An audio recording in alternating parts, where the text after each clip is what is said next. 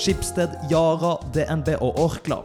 Aksje-NM er i gang for fullt, og om bare tre små uker får vi vite hvem som stikker av med seieren. Mine siste rapporter sier at Henrik Giske Fosse er en knapp ledelse, tett etterfulgt av Sverre Spetalen og Cecilie Høgseth. For et drama det blir. Her i podkasten Typisk Induc prøver vi å unngå drama. Derfor har verken jeg eller Håkon sterke meninger om noe som helst. Min sterkeste mening må nok være at kvinner og menn burde likestilles. Dagens gjest digger også likestilling. Han heter Erlend Heier og leder hele Indøks spinneledd. Skyld og likestilling til side. Herfra skal vi gjøre vårt, slik at vi alle kan lære noe nytt om det å være et menneske. Velkommen til alle mennesker, dyr, planter og basilusker. Dette er Typisk Induc med Jakob og Håkon. Kjære lytter, tusen takk for at du er til stede, og for en ære at du har lasta oss ned og lar oss stimulere øregangene dine den neste lille timen. Det er et privilegium og et ansvar vi tar seriøst. En podkast er jo et talerør ut til folket, og så fort man har lyttere, så har man også muligheten til å påvirke folks liv. Og et slikt innflytelsespotensial, det må man ta på alvor. Så derfor er integritet, ansvarlighet og bærekraft de tre viktigste verdiene vi har her i Typisk Induc. Dette er stemmen til Jake. Den er sånn seks av ti fornøyd med. Men heldigvis så får du også her i podkasten høre stemmen til Håkon August. Mellegård Sveen. Jeg heter altså ikke Håkon August. Det må bare ha på det rene. Det er gøy å tulle med, men det er ikke mitt offisielle navn i eh, navneregisteret i Norge. Hvorfor er det så mange som kaller deg Håkon August, da? Det er jo noe du har begynt å snakke med. Men jeg lurer også på om Amanda Krutnes har nevnt det tidligere også. For dere lyttere der ute så kan jeg også bekrefte da, ryktene om at det er sant. Jeg og Amanda er kjærester. Vi har også snakket om August, at det er et veldig fint navn. Amanda ønsker for at hennes barn skal hete August og Sonja. Blir det også ditt barn, da? Ja, det blir fort mitt barns navn og mitt navn og min fars navn. òg. Alle skal hete August. Alle skal hete August. Men Jake, hvordan går det med deg? Ja, først og fremst må jeg bare si at jeg elsker å høre deg prate om forholdet ditt, Håkon. Seks episoder måtte du ta. Og Amanda Krutnes hun er jo dama di, men hun er også min beste jentevenn her i Trondheim. Og det har hun for så vidt vært for oss begge to siden andre semester i første klasse. Men hun valgte altså det.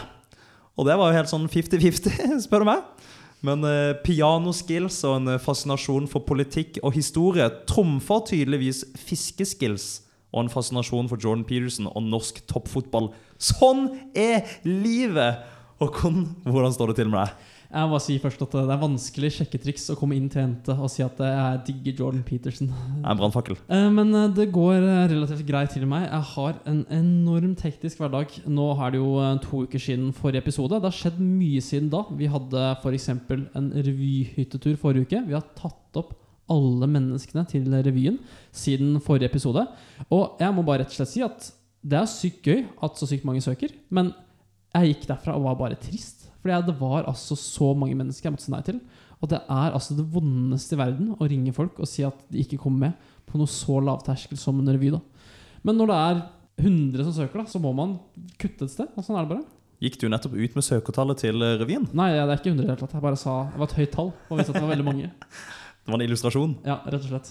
Jeg skal ikke si hvor mange som akkurat søker, men det var mange. Mange flere det var plass til, dessverre. Jeg vil gjerne ha med alle. Ja, fordi revyen, En revy, en gammel revy, skal jo egentlig være litt lavterskel å bli med på. Det skal være noe man bygger opp som amatører, men nå er liksom indikrevyen noe litt annet. Det begynner å bli ganske proft. Ja, absolutt. Men man kan jo heller ikke ha hva skal jeg si, 40 stykker i en eventgjeng som skal lage arrangementene for den gruppa, når det er 20 andre totalt i hele revyen. Andre linjer på Gløs har valgt å løse det på den måten. Kjemikalen, arrangert av Kjemi, der er det nå tatt opp 116 medlemmer i revyen.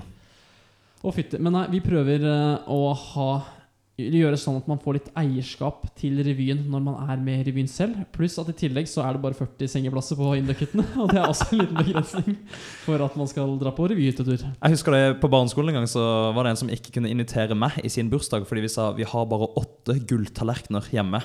Så sorry, Jakob, du kan ikke bli med. Men Jack, du har jo blitt med i revyen selv.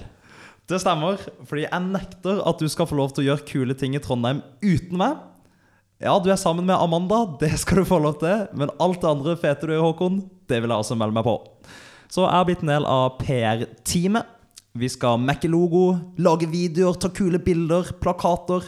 Og vi skal lage masse annet som kaster glans over Induk-revyen 2021. Og som vi sier i vår PR-gruppe All PR som Anders Ganderud har vært med å lage, er god PR. Nok om mine tanker om revy. Jeg vil høre hva du har tenkt på i det siste, Håkebass. Vi går inn i Håkons refleksjon. Vi skal inn i Håkons refleksjon. Og først vil jeg bare komme med en liten disclaimer. Selv om Jakob nå er med i revyen, så er det på absolutt ingen form for nepotisme. Dette er en objektiv vurdering. Ikke gjort av meg engang. Jeg var ikke med. Jeg vurderte ikke det helt tatt de kandidatene til PR-gjengen. For meg og alle der ute som ikke vet helt hva nepotisme betyr, skal du forklare deg kjapt? Det betyr at man favoriserer egentlig familie innenfor en ansettelsesprosess. da Så man snakker om det når Uh, Hva skal jeg si Når Andersen-barna får styreverv i bedriften, så er det åpenbart nepotisme. Det er ikke den beste kandidaten som ansettes, men man ansettes pga. sin relasjon til de som eh, ansetter. Når vår konge en dag dør, da vil han favorisere sin sønn som tronfølger. Er det nepotistisk? Nei, det er ikke nepotisme. Ok. Velkommen til Håkons refleksjon. Denne ukens refleksjon har jeg faktisk tatt inspirasjon fra lytterspørsmålene. Fordi et av de handlet om tiss, bæsj og promp. Skal vi bli en sånn type podkast, Håkon? Nei, vi skal jo ikke bli en sånn type podkast, men dette er et tema som jeg tenker at man må se litt gjennom den barnlige og barnslige humoren rundt, og heller snakke om hva er det som gjør at dette er morsomt. Og finnes det egentlig en universell form for humor? Og finnes det en universell form for humor når man er veldig ung? Og jeg har tenkt litt på hva er egentlig universell humor? Er ting som er morsomt i Norge, også like morsomt i Mosambik, eller i Kina, eller i USA? Og det tror jeg i ikke. Og humor utvikler seg jo ofte som regel når man blir eldre. Jeg er f.eks. veldig glad i satire, eller absurd humor. Det er jo ikke mange andre. Det er ikke en universell form for humor. Men noen ting er likevel gøy overalt. Og en ting som går igjen, som de fleste mennesker syns er morsomt, det er å kødde med mennesker på toppen. Uansett hvilket land du er i, så finner du vitser om statsledere eller folk med makt i de daglige hjem. Men når man er et lite barn, så har man et helt annerledes forhold til humor. Da ler man jo egentlig bare av ting som man syns er gøy der og da. Og er det noe jeg husker og har observert med mine tre yngre søsken, så er det at tiss, bæsj og promphumor, f.eks. å etterligne en fis eller å, ja, eller å lage prompelyd i munnen, det er dritlættis for alle barn. Og det tror jeg rett og slett det er over hele verden. Jeg tror at hvis en liten seksåring kommer med en prompepute, legger den på pulten til læreren sin, så er det lættis i Mosambik, det er lættis i Kina, og det er lættis i Papua Ny-Guinea. Til og med inne blant de stammehøvdingene og stammene hvor ingen har hatt kontakt med det moderne mennesket, så syns de promp, tiss og bæsj er morsomt. Det er rett og slett essensen av humor. Så verdens beste humor er å legge en prompepute på stolen til en statsleder? Hvis du begynner å kombinere disse tingene der. Det er faktisk eh, Ja, da har du rundet humor. Ja, level 100. Men Håkon, hva er din beste imitasjon av en promp? Vil du høre min? Mm. Ja, decent. Decent den. Drikk. Det blir ikke sprutlættis her nå, men det er fortsatt essensen av humor. Det kan jo hende folk ler der hjemme da, når de hører det. Det var min refleksjon. Det blir ikke mer nå, eh, men nå skal vi snakke litt om dagens gjest. Jakob, hva kan du fortelle meg om denne personen? Jeg kan fortelle at uh, dagens gjest heter Erlend Heier. Han uh, går i andre klasse, og han er selveste lederen av bindeleddet. Hele Indux bedriftskontakt. Uh, så det er et storfint besøk uh, vi får. Han var også leder av Oslo-turen 2020, hvor vi begge var med. Det var en uh, suksessfull affære. I tillegg så har Erlend Heier vært med å starte opp EIV nå i høst. Eksperter i vin. Så det gleder vi oss til å høre mer om. Håkon, vi liker å lage en slags problemstilling. Hva skal vi finne ut av i dagens episode? Det jeg rett og slett lurer på i dag, er hvordan er det mulig å være leder for Indux største forening, og samtidig få dyrket sin vininteresse samtidig? Det vet jeg ikke om jeg hadde rukket på den tiden. Så da må vi nesten bare få dagens gjest inn i studio. Get him in here! Der har vi fått dagens gjest inn i studioet vårt. Det er Erlend Heier. Han er blid som en ungfole. Og Jakob, kan ikke du introdusere gjesten vår? Jo, Jeg kan godt introdusere dagens gjest, men denne gangen har jeg lyst til å gjøre det med bakgrunnsmusikk. Ja, ja vel? Så kan ikke du bare sette på en eh, beat? Ja, hva med, hva med den her? Den er perfekt. Dagens gjest hadde sitt første fallskjermhopp 25.6.2016 og tok sin første selfie fra toppen av Rockefeller New York oktober samme år. Siden den gang har han både tjenestegjort i militæret og blitt student på Induc, studiet hvor man lærer å analysere komplekse problemstillinger i tverrfaglige team. Ja, for det er faktisk det som står i pitchen på NTNU sin Induc-side. Han har én søster, to hunder og tre føtter innenfor arbeidslivet. For få, om noen personer på Induc vet bedre hva som kreves for å få drømmejobben. Som leder av OT 2020 fikk han smaken av makt og suksess, og har erfart hva man kan oppnå gjennom dedikert teamarbeid og 110% innsats over tid. Han er født på Ski sykehus, men under beina var det verken ski eller staver, men heller en forløkke skrevet i Python og en Casio-kalkulator med støtte for både grafer og derivasjon. Han er 1,82 høy, har maksa 115 kilo i benkpress og elsker å mobbe Christian Rustad for brillebruken. Velkommen til studio, leder av bindeleddet, Erlend Heier. Tusen takk. Jeg er veldig glad for å være her. Så bra, det er vi glad for å høre. Det var mye å ta tak i i denne introen her. Noe av det stemmer, mye er nok også frimeldt. Hvor bra syns du vi traff? Jeg vil si dere traff eh, ganske dårlig på ganske mye Er det eh, denne gangen. Ja, feil sykehus, feil høyde med to centimeter ned, som jeg eh, ikke var så fornøyd med. Så din korrekte høyde er altså 1,84. Men jeg er veldig takknemlig for det du ga meg i benkpress. Det er jeg glad for. Ja, 115 ga jeg. Er det riktig? Er vi inne på noe der? Eller? Også veldig, veldig veldig langt unna, men uh, fornøyd. Du har vært i Milla, da. Ble du ikke ganske svær? Nei, dessverre. Trodde jeg skulle bli det. Men eh, nei, det skjedde aldri. Men eh, kan du fortelle oss litt mer om eh, hundene dine? Du elsker å bruke disse hundene på, som modeller på Instagram. Ja, og Tinder, ikke minst. Og Tinder. Har du involvert det i bio nå, eller? Nei, det har jeg faktisk ikke. Det bør jeg, det bør jeg kanskje gjøre. Jeg har et bra tips til en bio på Tinder som jeg har brukt selv før. Det er 'Hva heter hunden din på Snapchat?' Fordi da får man masse Snapchatter inn på DM-en sin. Og det er sjelden for hunden, men man får da en jentesnapchat, som også er vel og bra å ha. Men det hadde du brukt fordi du ikke har noen hunder selv. Men nå har jo Erlend bilde av seg med sine hunder, så det er jo opp til jentene å spørre Hei, hva heter hunden din, Erlend? På Snapchat. Så mitt tips da er egentlig å ha første melding er Hei, hunden min heter Altså finne på den. Bisken123 på Snapchat. Bare legg den til. Og så styrer du den fra hundens perspektiv. Fra den anonyme Eller fra den falske Snapchat-profilen Bisken123, da. Hunden er ganske dårlig til å ta selfies, så den må bare du administrere. Pass på så ikke det blir en dogfish. Hva med Christian, eh, Christian sine briller? Vi må snakke litt om de. Er det for stil, eller er det for å korrigere et dårlig syn? Det er for å korrigere et eh, elendig syn. Han har eh, ja, klarer nesten ikke se uten brillene sine. For Han slår meg nemlig som en fyr med ganske, ganske mye i minus. Vet du hva det er? Er, er vi på minus 7, 8, 9? Jeg, jeg har dessverre ikke tallene her. Vi får håpe det går bra med hornhinnene til Christian Rustad, og ønske deg, Erlend Heier, velkommen til oss. Og nå skal vi da videre til en fast og kjent og kjær spalte, nemlig 20 spørsmål. Det er ikke sikkert det blir 20, men vi får se hvor mange det blir.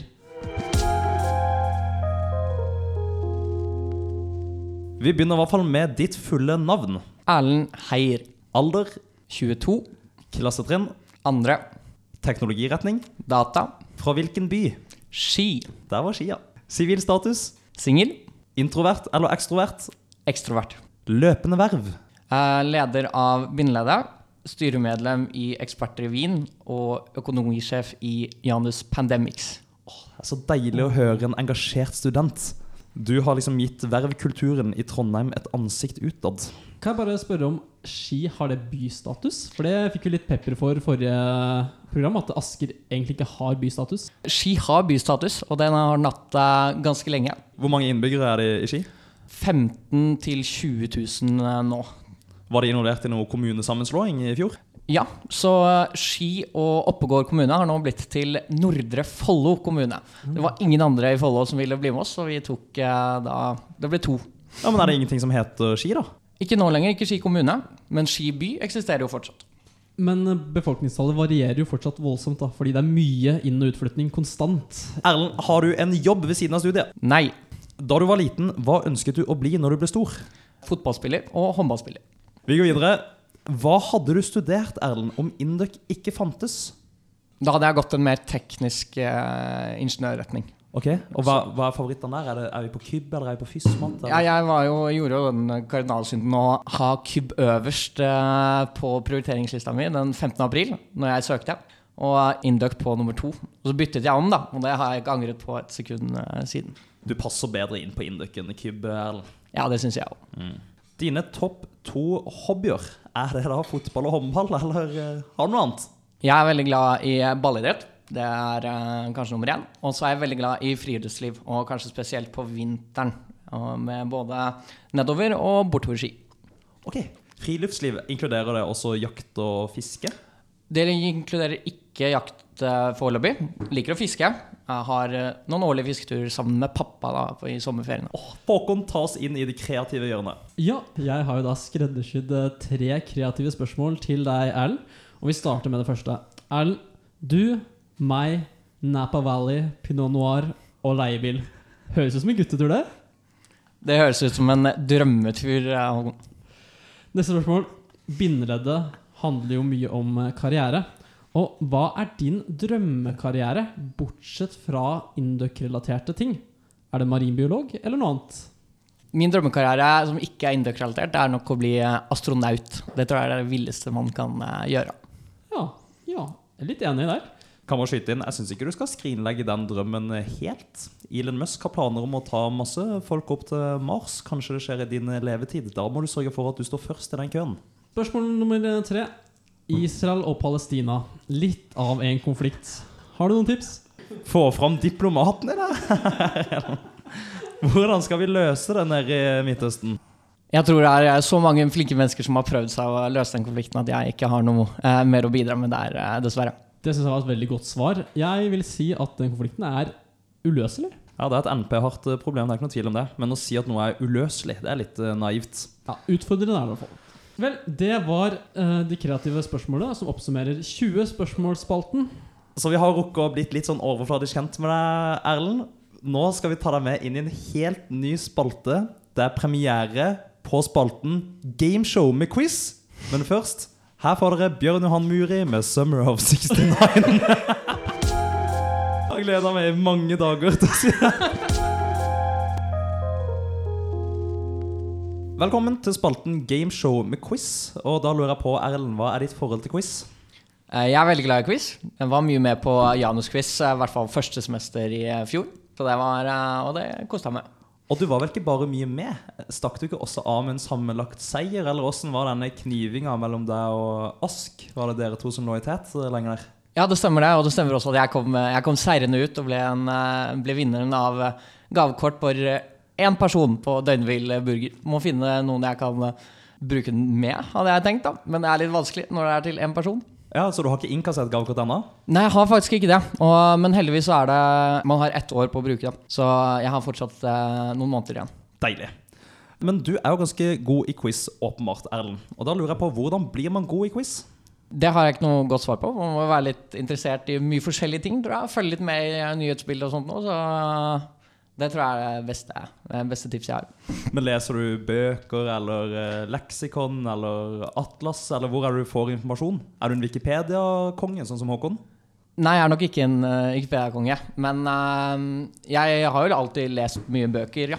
Det ja. Og så tror jeg jeg har en eh, helt ok hukommelse. å- Ja, ting setter seg litt, da. Du har klisterhjerne.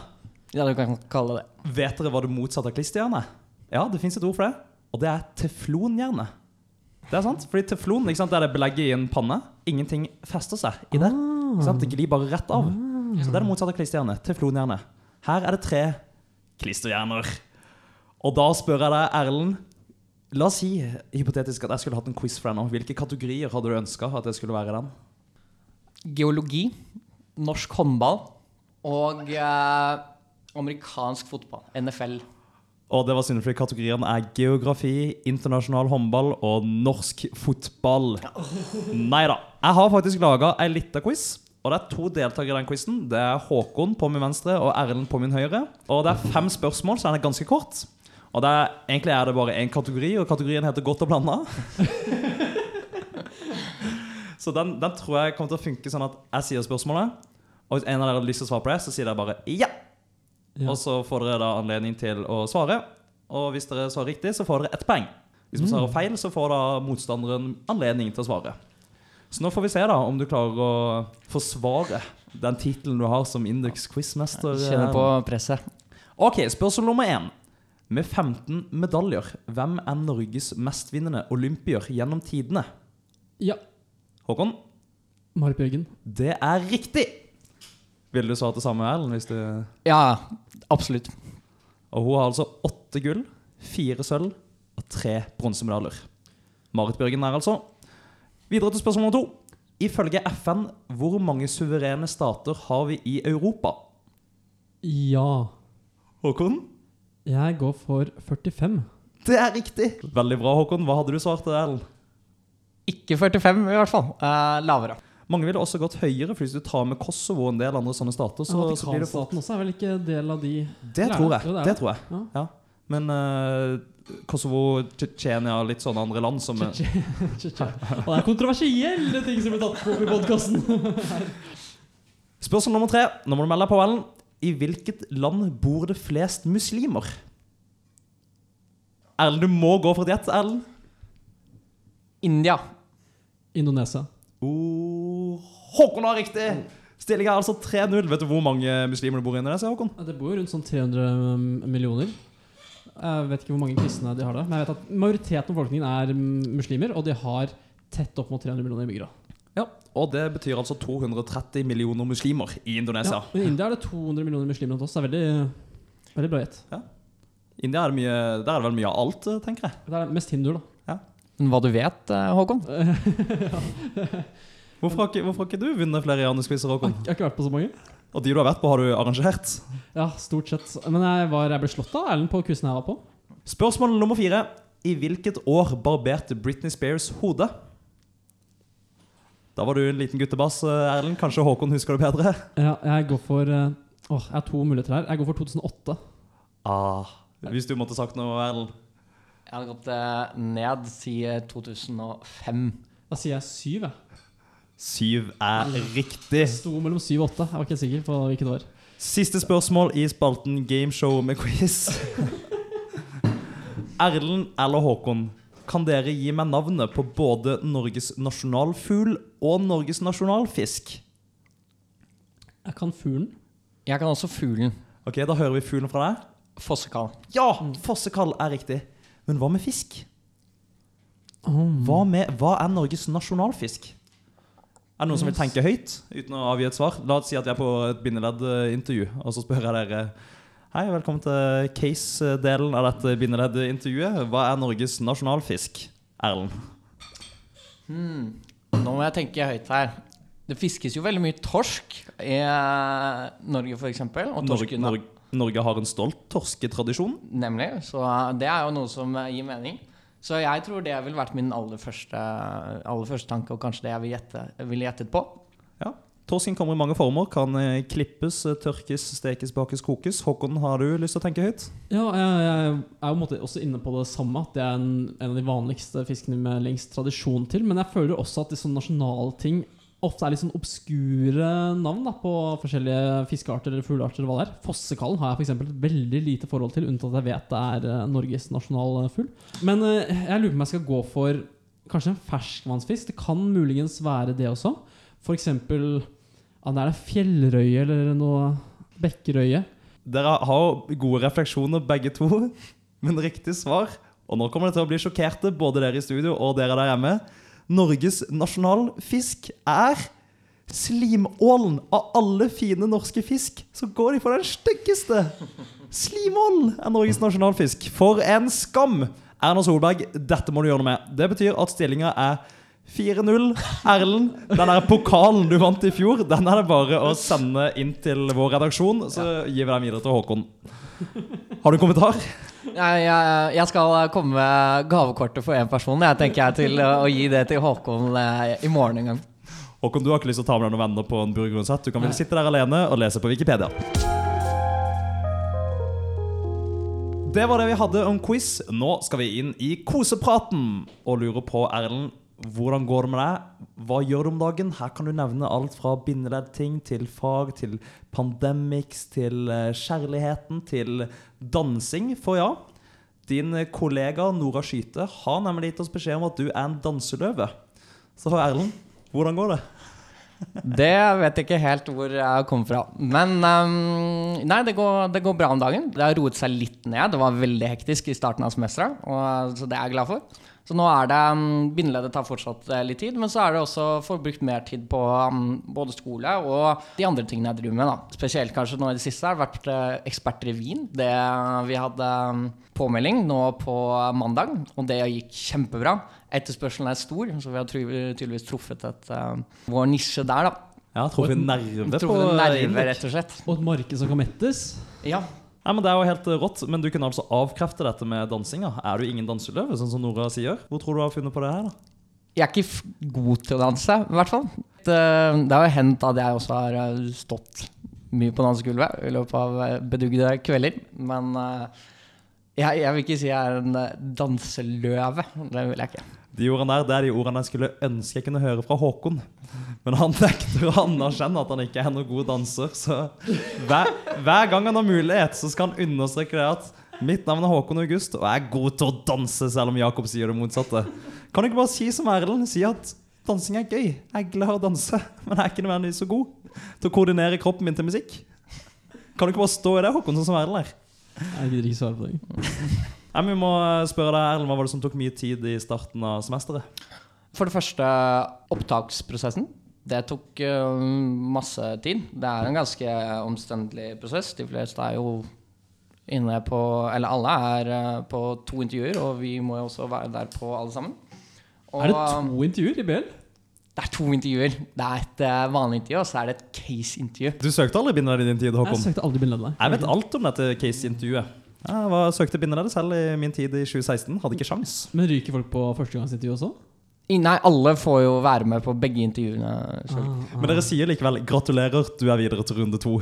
Nei, det, alle, får, alle, får, begge intervjutidene med en gang, så uh, ja. Kan du si hva som skjer på et case-intervju med bindeleddet? Egentlig ikke, faktisk. Vi prøver faktisk å holde det litt, uh, litt Eller ikke fortelle altfor mye om detaljene, da. Men uh, det er jo ikke en et case-intervju på en måte hvor du skal løse en oppgave som er relatert til det du driver med. Det er bare for å se litt hvordan man fungerer i en gruppe. Det er gruppecase, da. Så har man en gruppe på fire til seks-syv personer og får en oppgave som kan være hva som helst, da.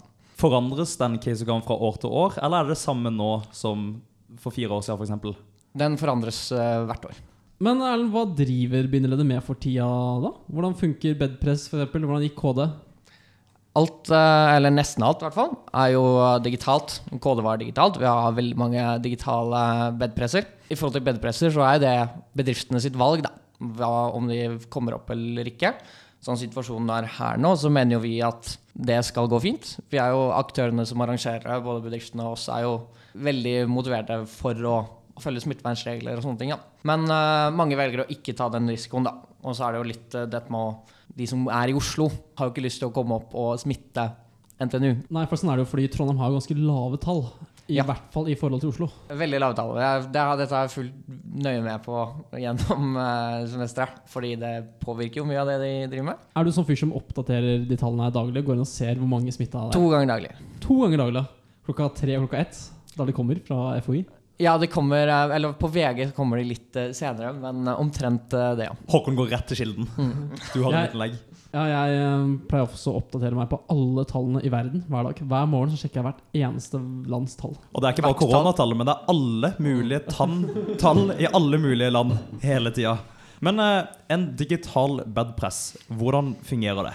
Det um, har fungert på litt forskjellige måter. Den vanligste er å holde omtrent timeslang prestasjon presentasjon som ligner på den prestasjonen man får på starten av en fysisk bedpress.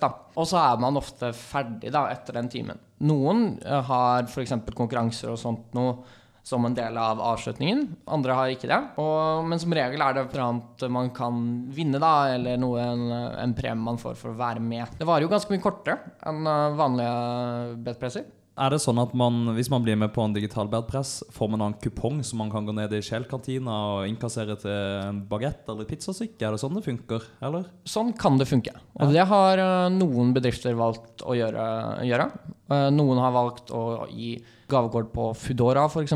til alle som er eh, påmeldt. Og noen velger å ikke gjøre noen av delene, men heller eh, ha et eller annet noen premier man kan vinne, da. Som et slags insentiv for å få noen studenter til å møte opp. Og det var det vel mye også under KD. Så var det jo masse sånn Bli med i rommet her, bli med på denne kahooten her. Vinn Bose headset, vinn AirPods, vinn en høyttaler. Det var sjuke premier. Ofte det, det var- ikke så lett å holde kontroll på hvor det var konkurranse hele veien.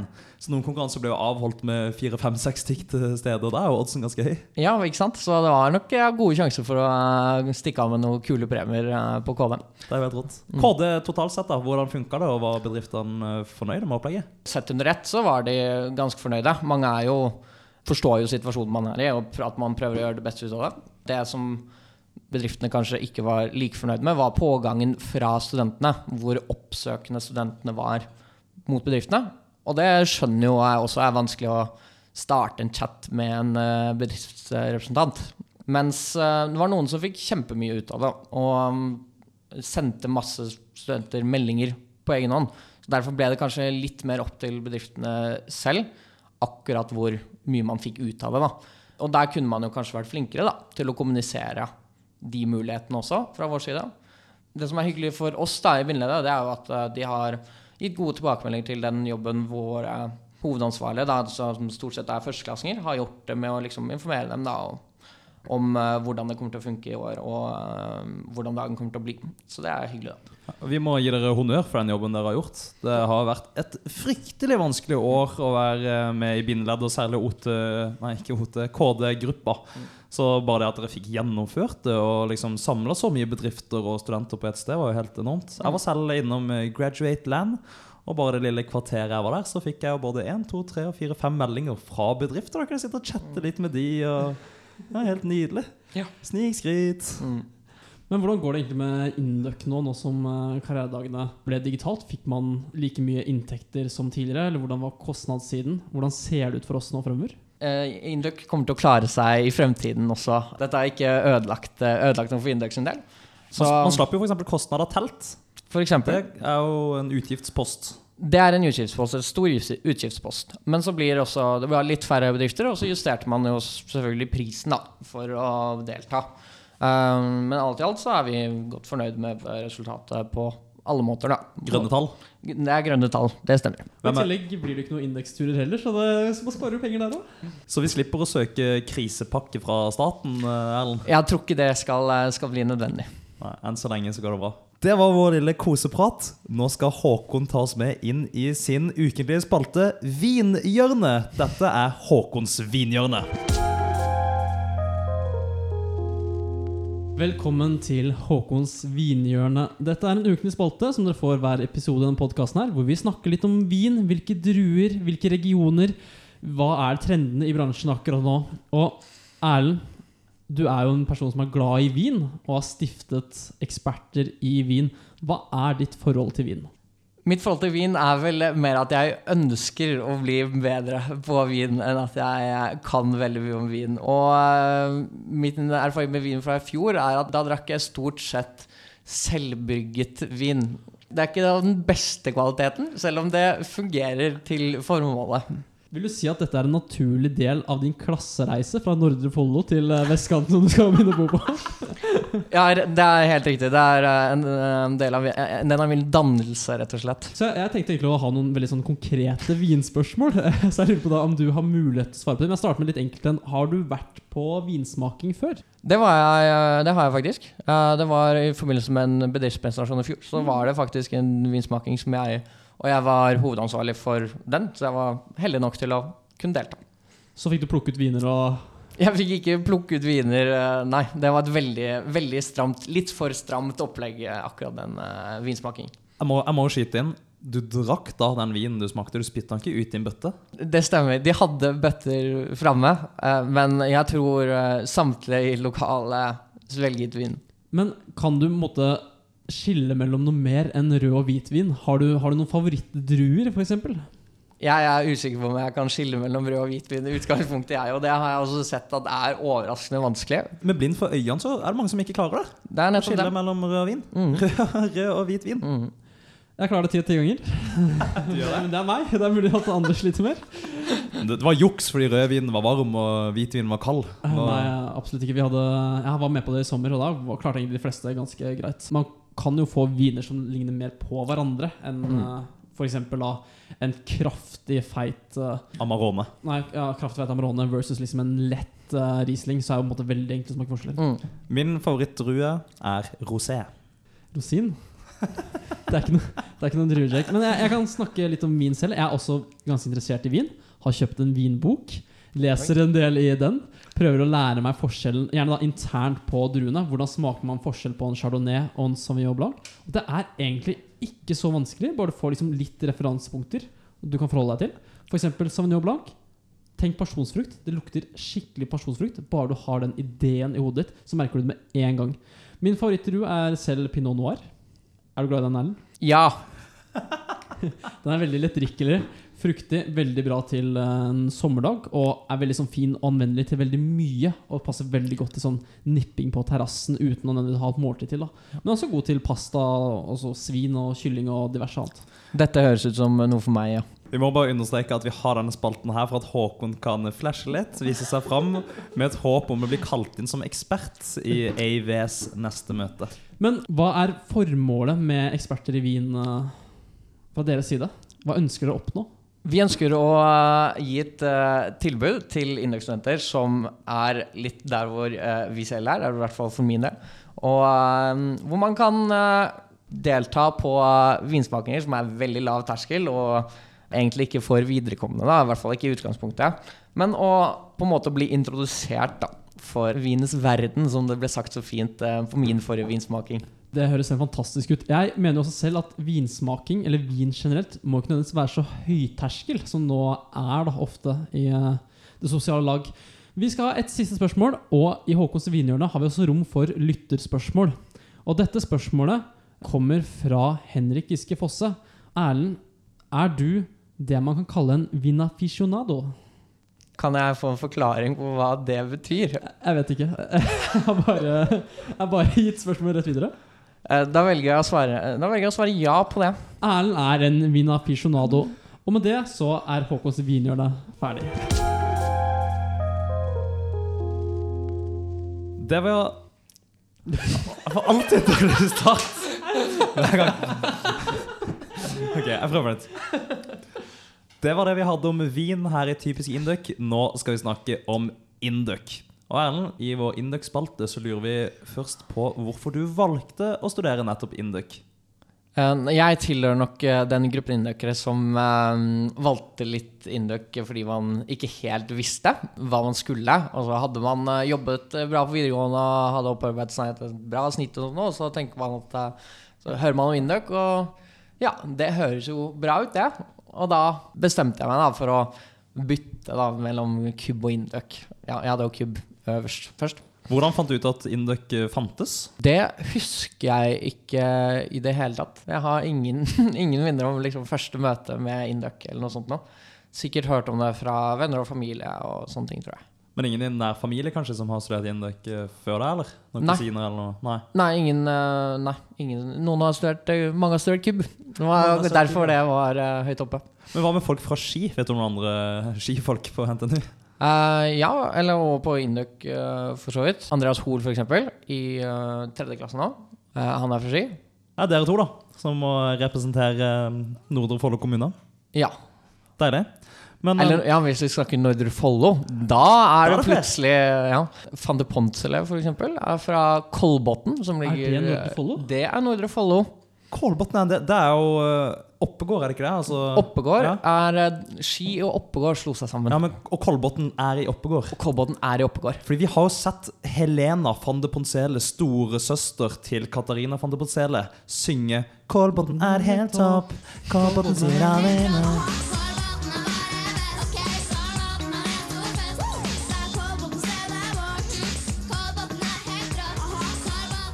En nylig video, MGP Junior 2006. Og ble presentert av Poncele i Indies Got Talent 2018. Erlend, nå har du gått på Induc i litt over et år bare. Jeg føler jo at du er et Induc-fjes allerede. Men uh, hvordan har denne tida her eh, vært uh, så langt? Uh, det har vært helt rått. Mye av det har jo blitt preget av eh, selvfølgelig. Men det er jo eh, generelt uh, utrolig mange ting å finne på, og engasjert folk som uh, gjør morsomme ting. Da. Nei, Jeg føler jeg har funnet meg skikkelig til rette da, eh, på Indek, og det er mange, mange kjempebra folk her. Hva med faglig? Har du, du går data, ikke sant? Jeg går data. Det, Hva, hva tenker du så langt? Er det en match? ja, eller jeg, eh, det er en eh, bedre match enn eh, de andre fagretningene, eller teknologiretningene ville vært. Det er jeg eh, 99% sikker på. Vi må ikke glemme at du ble født med en forløkke skrevet i Python under, under beina. Det var i hvert fall det det sto i fødselsrapporten. Ja, nei, ja, det, er, det er sant, det. Det står, eh, det står der. Men hva med du, eh, du hadde jo noen eksamener kanskje i vår. De var godkjent, ikke godkjent? Eller hadde Ja. dere noen karakterer i tillegg? Eh, vi hadde karakterer i eh, objektorientert eh, og eh, organisasjonsteori. Hadde karakter i org, ja. Vi hadde karakter i org, og den eksamen ble veldig annerledes enn det den har, eh, den har vært tidligere. Så nå, var det, nå fikk man en case som man skulle analysere. Og det var egentlig litt morsomt å sitte der og løse en litt eh, Ja, det virket litt mer eh, Det var mer relevant. mm, Ja, rett og Litt slett. mer ekte. Det høres mye bedre ut enn derre Hva betyr liksom skattevesenets uh, rettsjustis eller noe som var Det er jusdelen av org, da. Men org er jo stort sett eh, disse fire perspektivene. Kulturperspektivet, maktperspektivet, strukturperspektivet og HR-perspektivet. Min Veldig favoritt. bra. Jeg husker bare fra vår org-eksamen i 2017 at det var et spørsmål rundt juss som bare var helt umulig. Og jeg hadde ikke kjøpt det nyeste kompendiumet. Sto kun i det nyeste kompendiumet. Mm. Ja, spørsmålet var hva er corporate governance? Det var det. Så det har vi kanskje sett litt mer av Ja, siden. nå kunne jeg svart på det. Det sto én setning på side 69 i dette kompendiet. 69, ass. Veldig bra side. Hva med miljøet i klassen? da? Har det satt seg? Ja, det, det vil jeg påstå. Kjempebra klassemiljø. Der også er det Vi hadde en eh, guttegjeng som hadde oktoberfest faktisk nå i helga. Så det, den gikk eh, litt bedre, men bare ørlite, eh, enn den forrige. Men, eh, så det var, veldig, det var veldig gøy. Dro du videre til barnehagen etter denne oktoberfesten? Nei, barnehagen sier jeg Jeg mener kjelleren. Grunnen til at jeg sier barnehagen Det er fordi I min tid, når jeg var med Janus, så skulle vi gjenreise kjellerne. Men som et mellomstadie så pussa vi opp en barnehage hvor vi drev og festa et års tid. Så en barnehage var liksom Moholt-kjelleren, da. Og den kalte vi barnehagen. Vi kalte det bare barnehagen, det var det det var. Men dro du til kjelleren etterpå? Kjelleren hadde jo eh, på en måte premierefest nå forrige uke. Ja, øh, jeg var på kjelleren, og det har tatt noen videoer av meg der som ikke er helt stolt av heller. Så du var på kjelleren og gikk ned i kjelleren. Det, du kan kalle det det. Og hva er kjelleren dagen etter? Kanskje det er disse Ja, bildene fra kjelleren. som gjør at Nora skyter kaller deg for en eh, dancing lion? Eh, Det Ja, i, det, det, i den sammenhengen eh, skjønner jeg hva du mener. Men eh, la oss se litt fremover. Hvor tror du du er om ti år? Ja, om ti år så håper jeg at jeg har begynt å tenke på familie, faktisk. Det er kanskje det viktigste. Og eh, bortsett fra det så har jeg ikke så store planer. Hvilken by er vi i? Vi er nok i Oslo omegn. Eh, For meg er jo Ski Oslo omegn. eh, Og mange som er, mener at det er, nei, det er langt unna Oslo. Men Ski er mer omegn enn Oslo? Ja, sånn? det er mer omegn, ja. Ja. Absolutt. Eh, men jeg trivdes veldig godt i liksom, det miljøet der, da. Eh, som ikke er i byen, men 20 minutter hadde vi utenfor. Så omtrent eh, noe i den duren. Det er jo kanskje i Oslo at det er fetest å jobbe som nyutdanna inndøkkere. Det er ikke tilfeldig Ja. at eh, 95% av utdanna inndøkkere drar til Oslo. Vender nesa sørover når man har levert en master. Er det et faktisk tall, eller tok du bare Det er, fri, det er frimeldt, ja. Men det er, men det, jeg tror det mening. det er basert på noen bindeleddeanalyser. Det kommer en sånn diplomundersøkelse. Er det hvert år, eller er det hvert andre år? Erlend? Jo, diplomundersøkelsen tror jeg er hvert år. Okay. Det stemmer. Der pleier det å stå noe om hvilken by folk er i. Men Ja. det, det er over 90% Jeg tror det er 95 90-95. Samme greia. Men uh, hva med litt lenger enn ti års perspektiv, da? Er det Oi. noe sted du ser for deg å havne en gang? Eller noe spesielt du håper å få oppnådd en gang i fremtiden? Nå, eh, nå spør du vanskelig, Håkon. Nå graver vi i de, liksom, de skikkelig store drømmene. Ja, og der må jeg kanskje skuffe litt med å si at eh, nei, jeg, har ikke, jeg tror ikke jeg har tenkt så, eh, tenkt så langt. Da kan jeg skyte noe selv. Jeg har fått en virkelig stor drøm om å få banka en tiger men. Men, men, men tror dere det er lurt å ha langsiktige drømmer og mål? Det er ikke tilfeldig at eh, alle bedrifter er veldig tydelige på hvilken visjon de har, og hvilke målsettinger de har. og sånt. Fordi når du har et mål å strekke deg til, så er det med å påvirke hvilke valg man skal ta på veien da, for å komme dit man vil, eller oppnå det man ønsker. Så hvorfor, hvorfor, man ikke, hvorfor har man ikke et litt mer bevisst forhold til det også som enkeltpersoner, tror dere? Det spørs jo hvor mye av eh, bedriftstankegangen som er eh, overførbart da, til eh, ditt personlige liv. Ja, og så spørs det litt om det er liksom den eh, lureste måten å se det på, den sunneste måten å se det på. At man skal ende opp et spesielt sted, og alltid liksom har det bildet foran seg. Går man kanskje glipp av muligheter som dukker opp underveis, da. Men la oss si at du vil bli astronaut, da. At det er din store drøm i livet. Da må du jo begynne i dag å leve et liv som tilrettelegger for å kunne bli astronaut, da. Ikke sant? Er dere ikke enig? Det går ikke an å studere Induc bare fordi jeg skulle bruke det gode snittet mitt til noe, hvis jeg egentlig ønsker å bli astronaut. Ja, men Føler jeg meg? Ja, jeg skjønner hva du mener. Eh, så ble kanskje Denne astronautdrømmen ble kanskje litt overkommunisert. Det var ikke, og ikke meningen at det skulle komme fram som et uh, hovedpoeng. Men ja, jeg tror hvis det er ditt hovedmål i livet, så tror jeg det er lurt å begynne tidlig. Ja, det er astronaut, det var bare et, et eksempel vi om i sted. Håkon sin store drøm er å bli leder av oljefondet, f.eks. Mm. Og da må du kanskje begynne å interessere seg for finans og lese E24 allerede nå, da. Veldig viktig å lese E E24. Det har Henrik Iskefoss sagt til meg. Der er det jo økonominyheter, så det er jo en fint å følge med på. Men jeg har også måte andre store Jeg har veldig mange drømmer. Jeg, egentlig generelt Jeg kan ikke bestemme meg for hvilken drøm jeg syns er størst. Jeg vil også bli filmregissør. Jeg vil også bli rockestjerne. Jeg vil bli pro fotballspiller, men den er litt ferdig nå, da. Men kanskje jeg vil gjerne eie en fotballklubb også. Sånn eie Liverpool, for eksempel. Det er gøy. Kan, kan, ikke du, kan vi ikke snu litt på det? Kan ikke du eie et land i Midtøsten litt fram i tid? Åh, det var gøy. Åh, for eksempel Oman eller Bahrain eller noe. Åh, gjør meg til emir. Vi håper vi kan inspirere alle dere der ute med Håkon sine store drømmer og Erlend sine små drømmer.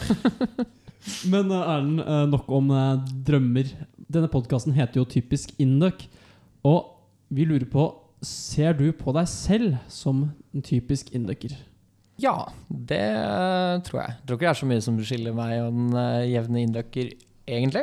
Engasjerte, engasjerte folk. Ja, for Hva er typisk induc for deg, da? Typisk Induc for meg, det er um, folk som er initiativrike og glade. Ekstroverte. Det er mange, mange veldig blide mennesker på Induc. Og um, som liker å finne på morsomme ting, rett og slett. Da. Jeg kan føle meg som en del av en sånn gjeng. Det høres veldig bra ut, i hvert fall. Åh, jeg vil også være en del av en sånn gjeng. Bare skyte inn eh, en liten ting der. Det er noen eh, som sier at det er litt typisk Induc å være streit. Jeg husker Fra min tid i Janus så var det veldig viktig for oss at eh, vi skulle være mindre streite enn f.eks. bindeleddet. da. Vi skulle ha det kulere på fest, vi skulle skille oss mer ut, kødde mer, være mer lekne og fremstå så lite streite som mulig. Men nå, siden den tid, så syns jeg bindeleddet bare blir mindre og mindre streite. Nå er dere en så forbanna fet gjeng. Så i dag, Erlend, hvem er mest streit av bindeleddet og Janus? Gi oss et svar. Bindeleddet. Og jeg velger å ikke begrunne det svaret. Da går vi videre inn i lytterspørsmålsspalten. For dere lyttere er utrolig flinke til å sende oss gode spørsmål som vi kan ta med oss inn i episoden. Og Vi kan starte med det første her. Det er fra Fredrik Hegemark i andre klasse. Han spør er pappa Even Heier stolt over at sønnen er leder i bindeleddet. Kan sikkert svare kort. Eh, Jeg tror pappa så vidt, så vidt vet hva vi holder på med. Deler du ikke alt med pappa og mamma? Jo, men uh, detaljene rundt hva vi holder på med, jeg tror jeg ikke er så farlig for noen av dem, egentlig. Jeg tror far er eh, veldig stolt. Jeg kan, kan jeg følge et spørsmål eh, til etter det? Er du i slekt med Åsmund her? Det er et spørsmål jeg har fått før, for det er vel en som gikk Induc uh, tidligere. Ja. Og eh, svaret er nei, så vidt jeg vet. Svaret er nei. nei, men Da har vi fått avklart det. Jeg tror Even er utrolig stolt. Vi er i hvert fall veldig stolte av deg, Erlend, og det er nok hundene dine òg. Vi tar neste spørsmål. Det er fra Edvard Hesle, din gode venn. Ja. Han er vel eh, en del av økonomigjengen i bindeleddet, hvis jeg har forstått det riktig. Stemmer. Og bidrar, drar også litt i HR-en. Og bror til eh, Henrik Hesle. MKMs store andrebass, Henrik Hesle. Og nå grunnlegger av MKM Data and Analytics. Wow. Den gutten er glad i progge. Edvard Hesle spør Det ryktes at eh, Erlend sin lillesøster studerer i Trondheim. Er det mulig å høre litt om hennes sivile status, eller? Det spørsmålet stinker jo Edvard eh, lang vei. Og eh, dessverre, Edvard, så har hun kjæreste. Hun har kjæreste? Ja, hun Har har hun fått kjæreste i Trondheim, eller hadde hun med seg kjæreste hjemmefra? Hun hadde med seg kjæresten fra, er fra Danmark etter et besøk der i fjor sommer. Hun dro med seg utekatten hjem til Norge. Rett og slett. Ja, det Et, stemmer. Et, et besøk, eller gikk hun på folkeskole i, i Randers? Nei, det var eh, et besøk, ja. Et besøk, Det er som at jeg skulle fått dame på Rådås. som du nesten fikk. Men er det sant? Ja, det er helt rått. Hvor gammel er lillesøster? 20 år. Gode venner, eller? Vi? Ja. Ja, veldig gode venner. Har dere krangla og slåss mye? Ja, opp igjennom, ja. Det, ja, det har vi gjort. Jeg vant som regel, da. Fordi For du er eldre og mann. Det stemmer, ja. De to grunnene. Du hadde Eh, fysikken på din side. Jeg hadde fysikken på min side. Og, ja. Men det var ofte også jeg som startet uh, slåsskampene. Og det er jo ikke Du like både bra. starta og avslutta slåsskampen. Ja, det stemmer. Kan du, Erlend, forklare konteksten bak sitatet 'Du skretter så gullikt, Erlend'? Ja, dette er øh, kanskje mitt, mitt høydepunkt på, på Induc hittil, faktisk. Det var i Åre i, året i fjor. Hvor noen av øh, guttene, eller ikke noen i flertall, men én, hadde dratt med noen to svenske skjeer øh, hjem fra bygget i Åre. Det er så lekent gjort. Ja, veldig lekent gjort. Og Hvem, hvem var det som eh, tok ansvar for å få med seg to svenske kjeier hjem? Det, begynner det med Christian og slutter med Rustad, eller? Nei, dessverre. Det er, begynner med Sveinung eh, og slutter med Andersen. Eh, Jeg var jo i god form, som man er i året. Og, og de, de la sin elsk på meg, og spesielt latteren min, da, de jentene. Det er der, det sita- sitatet kom fra. Men ikke, ikke på en eh, god måte. De snakket om at de skulle eh, henge meg opp og bruke meg til pynt. Men fordi latteren din var så fin. For, Ja. Fordi en del av dette spørsmålet var Det, det ble introdusert med at Erlend har visstnok verdens fineste latter. Er ikke det kjent? Kan du le litt i mikrofonen? le litt i mikrofonen. Men hva betyr det svenske ordet 'gullikt'? Godt spørsmål, men det høres ut som noe bra. De, de gjør jo det. Ja. Det er søtt. Sånn koselig søtt. Det er det. Ja. Ok, da går vi videre. Stemmer det at du synker i vann? ja, det stemmer. Hvorfor, hvorfor det? Eh, Det er et veldig godt spørsmål. Og jeg har noen, spesielt én venn, um, venn som uh, Han surfer en del. Han er helt sjokkert over at jeg synker i vann. Men Du klarer, du klarer å svømme? Du klarer å kjempe imot? Jeg synker ikke uansett. eh, Det gjør jeg ikke. Det, det, hvis, jeg, hvis jeg krøller meg sammen til en ball, så synker jeg til bunnen. Men jeg, jeg synker jo også i ferskvann. Altså Alle mennesker synker jo, men de aktivt gjør Ikke i saltvann, da, men i ferskvann. Eh, ikke i ferskvann heller. Jeg har alle vi, Det her ble si, i, i militæret, hvor vi badet, og alle skulle ligge og bare se hvordan det gikk. da når man, eh, fordi at, Og de, de skulle illustrere da at man fløyt. Men jeg bare gikk til vann. Det er litt Ja, men jeg, jeg, jeg kan ikke ligge. Det er et eller annet med pusten her, at du skal bruke lungene som en slags redningsvest. Ah, okay. Så du kan, du skal, og så skal du også være avslappa og ligge på en bestemt måte.